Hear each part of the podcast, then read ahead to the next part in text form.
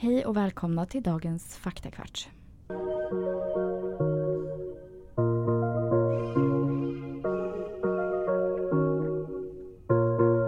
Hallå, hallå, hallå. Hallå! Hej! Så, direkt på dagens faktakvart. Ja, Mm. och idag ska vi hålla det en kvart. Idag håller vi till en kvart och dagens ämne är vad är egentligen diabetes typ 1? Mm. Ja. Först vill jag börja med att förtydliga att diabetes är ju faktiskt ett samlingsnamn för flera sjukdomar.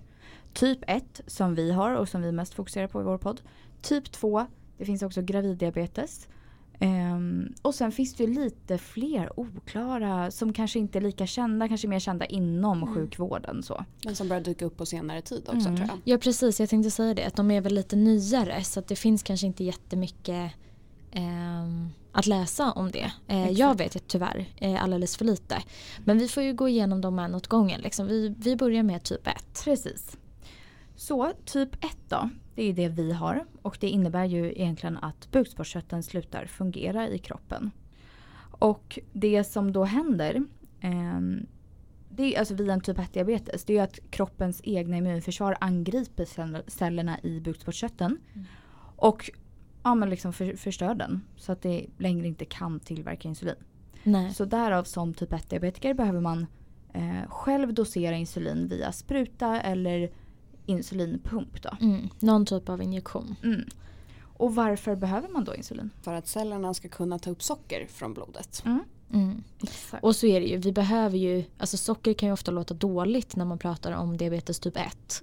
För att man lätt får ett högt blodsocker. Men kroppen behöver ju kunna ta till sig av sockret för det är det som är energin. Eh, och det behöver ju eh, kroppen. Mm. Ja och om man då inte får, för behandlingen av diabetes typ 1 är ju insulin. Man behöver ju tillföra insulin eftersom att kroppen slutar tillverka insulin själv. Um, och det som händer om man inte har, eh, får insulin eh, om man inte eh, behandlar eh, sin diabetes så får man ett väldigt högt blodsocker. Och det i sin tur kan leda till syraförgiftning. Det är det som kallas för ketoacidos eller ketoner. Och det är ett allvarligt tillstånd som kan bli livshotande.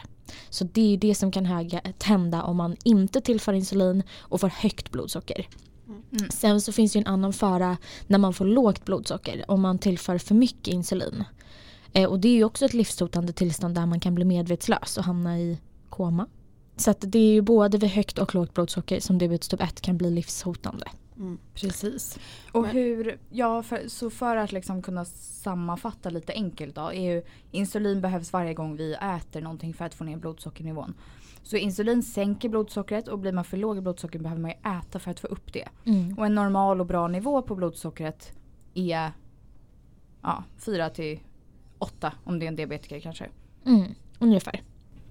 Men sen kan man väl också säga att eller, mm, insulin inte är en läkande medicin utan typ 1 diabetes har du ju hela livet men du behandlar med Mm. insulin. Väldigt bra. Mm. Exakt. Exakt. Det finns inget bot utan det finns bara en behandling. Exakt. Mm. Och skillnaden då, en icke-diabetikers blodsocker blir ju aldrig så pass högt eller lågt. Utan där är man ju alltid inom ramarna.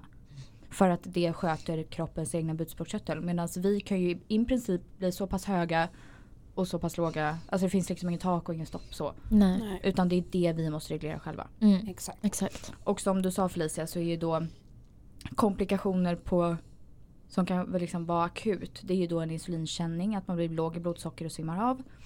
Eh, eller då ketoacidos. Mm. Och komplikationer på längre tid. Eh, vilket kan vara då om man har legat högt i blodsocker, väldigt högt i blodsocker under en längre tid så kan man få komplikationer senare i livet kanske. Och bara för att nämna några kan ju det vara då till exempel nedsatt syn, sämre njurfunktion, ehm, för, eh, försämrad blodcirkulation och nedsatt känsla, speciellt i liksom fötter och sådana delar.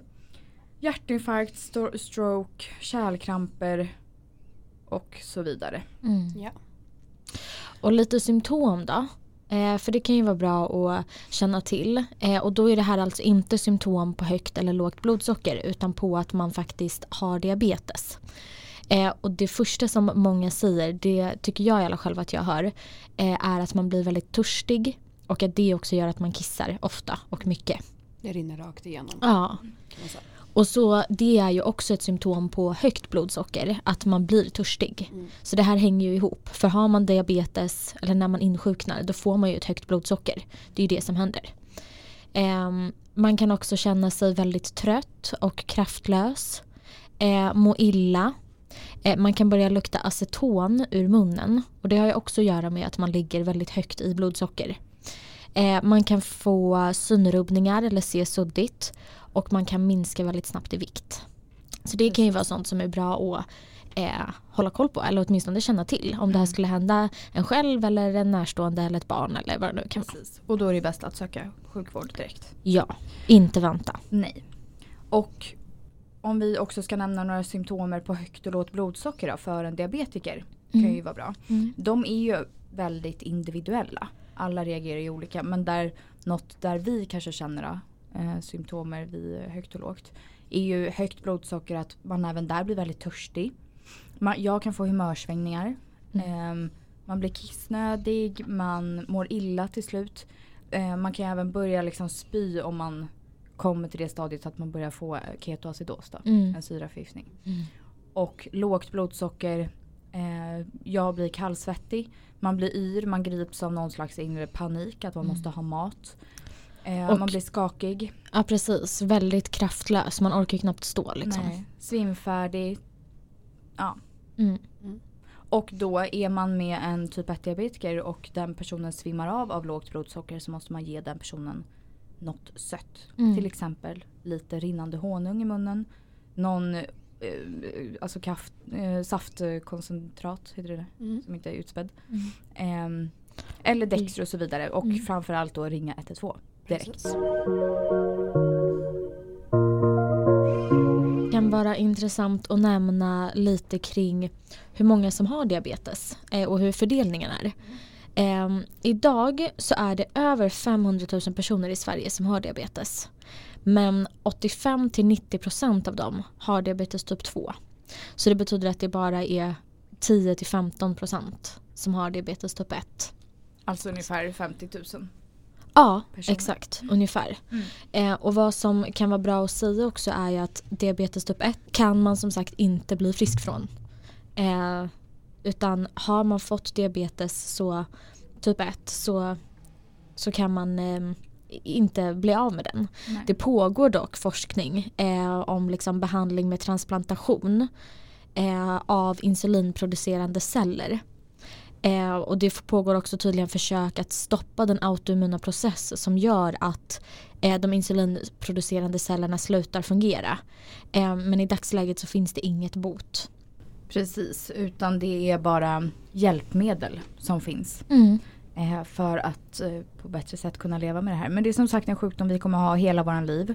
Det är ingenting som syns utåt utan det är, och det är en väldigt mental sjukdom som man har med sig exakt varje sekund i livet. Det är då en kronisk sjukdom som betyder att man helt enkelt inte kan bli frisk från den. Från den. Eh, men det är då en sjukdom som kan vara tidsvid återkommande, långvarig eller livslång. Så det är lite olika vad en kronisk sjukdom innebär. I vårt fall då diabetes så är det en livslång sjukdom. Mm. Och förutom en kronisk sjukdom så är det också en autoimmun sjukdom. Eh, och det innebär att det är kroppens eget immunförsvar eller immunsystem som angriper vissa av kroppens egna celler. Varför får man diabetes då? Var det till oss? det var till er. Jag trodde du satt på svaren. ja, jag kan komma med svaret. Eh, det är fortfarande oklart varför. Eh, men kropp, eller, eh, världens forskare tror att det är en kombination mellan ärftliga anlag och eh, yttre miljöfaktorer. Eh, men ja, som sagt, det finns inget garanterat. Däremot så finns det lite liksom sagt om ärftlighet. Eh, och då är det att om man inte har någon släkting med typ 1 diabetes så är risken att insjukna cirka 0,3 till 0,4 procent. Det här är enligt insulin.se. Ja. Eh, om mamman har typ 1 diabetes är risken att barnet drabbas cirka 3%. Men om pappan har sjukdomen så är risken ungefär dubbelt så stor. Alltså 6-8% att barnet får diabetes. Om man har en enäggstvilling med typ 1 diabetes så är risken 30-50% att man själv också drabbas. Okay. Men det är väldigt intressant att man potentiellt då kan vara enäggstvillingar men bara en har diabetes. Mm. Men sen sägs det ju då också även att det man ärver är antagligen en benägenhet att utveckla ett immunförsvar som angriper och förstör de celler i kroppen som producerar insulin. Mm. Mm. Så det är det som är ärftligheten. Mm. Mm. Men det här med att det kan vara liksom miljöfaktorer och sånt också som spelar roll är intressant just för att det är så mycket vanligare med typ 1 i Norden. Där alltså också att Finland är, eh, har flest diabetiker i hela världen. Mm.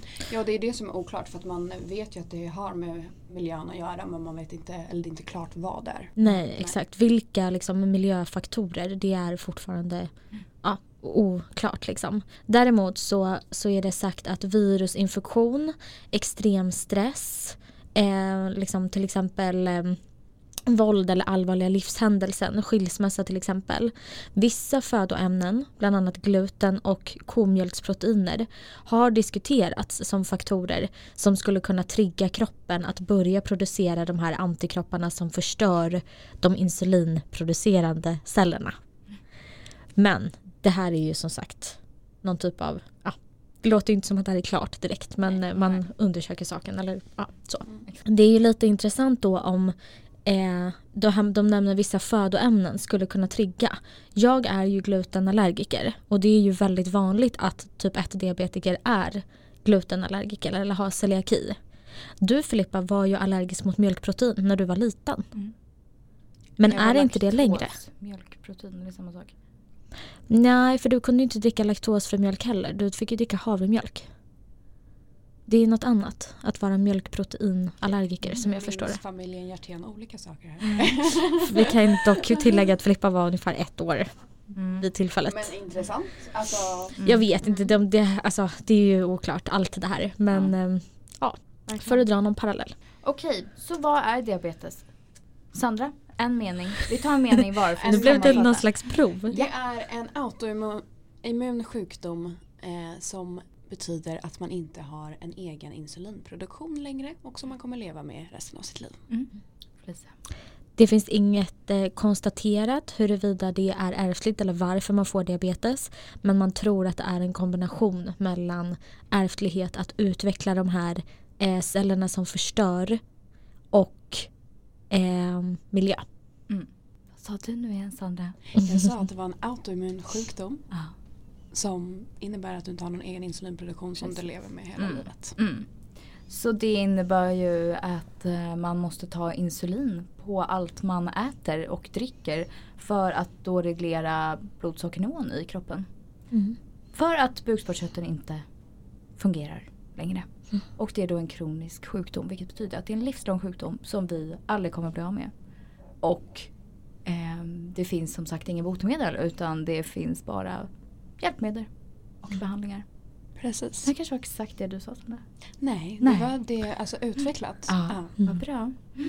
Ja, alltså det här är ju det är också ganska svårt att sammanfatta på så här kort tid. Och det är också svårt att sammanfatta något som fortfarande är så oklart. Alltså man vet ju inte så himla mycket.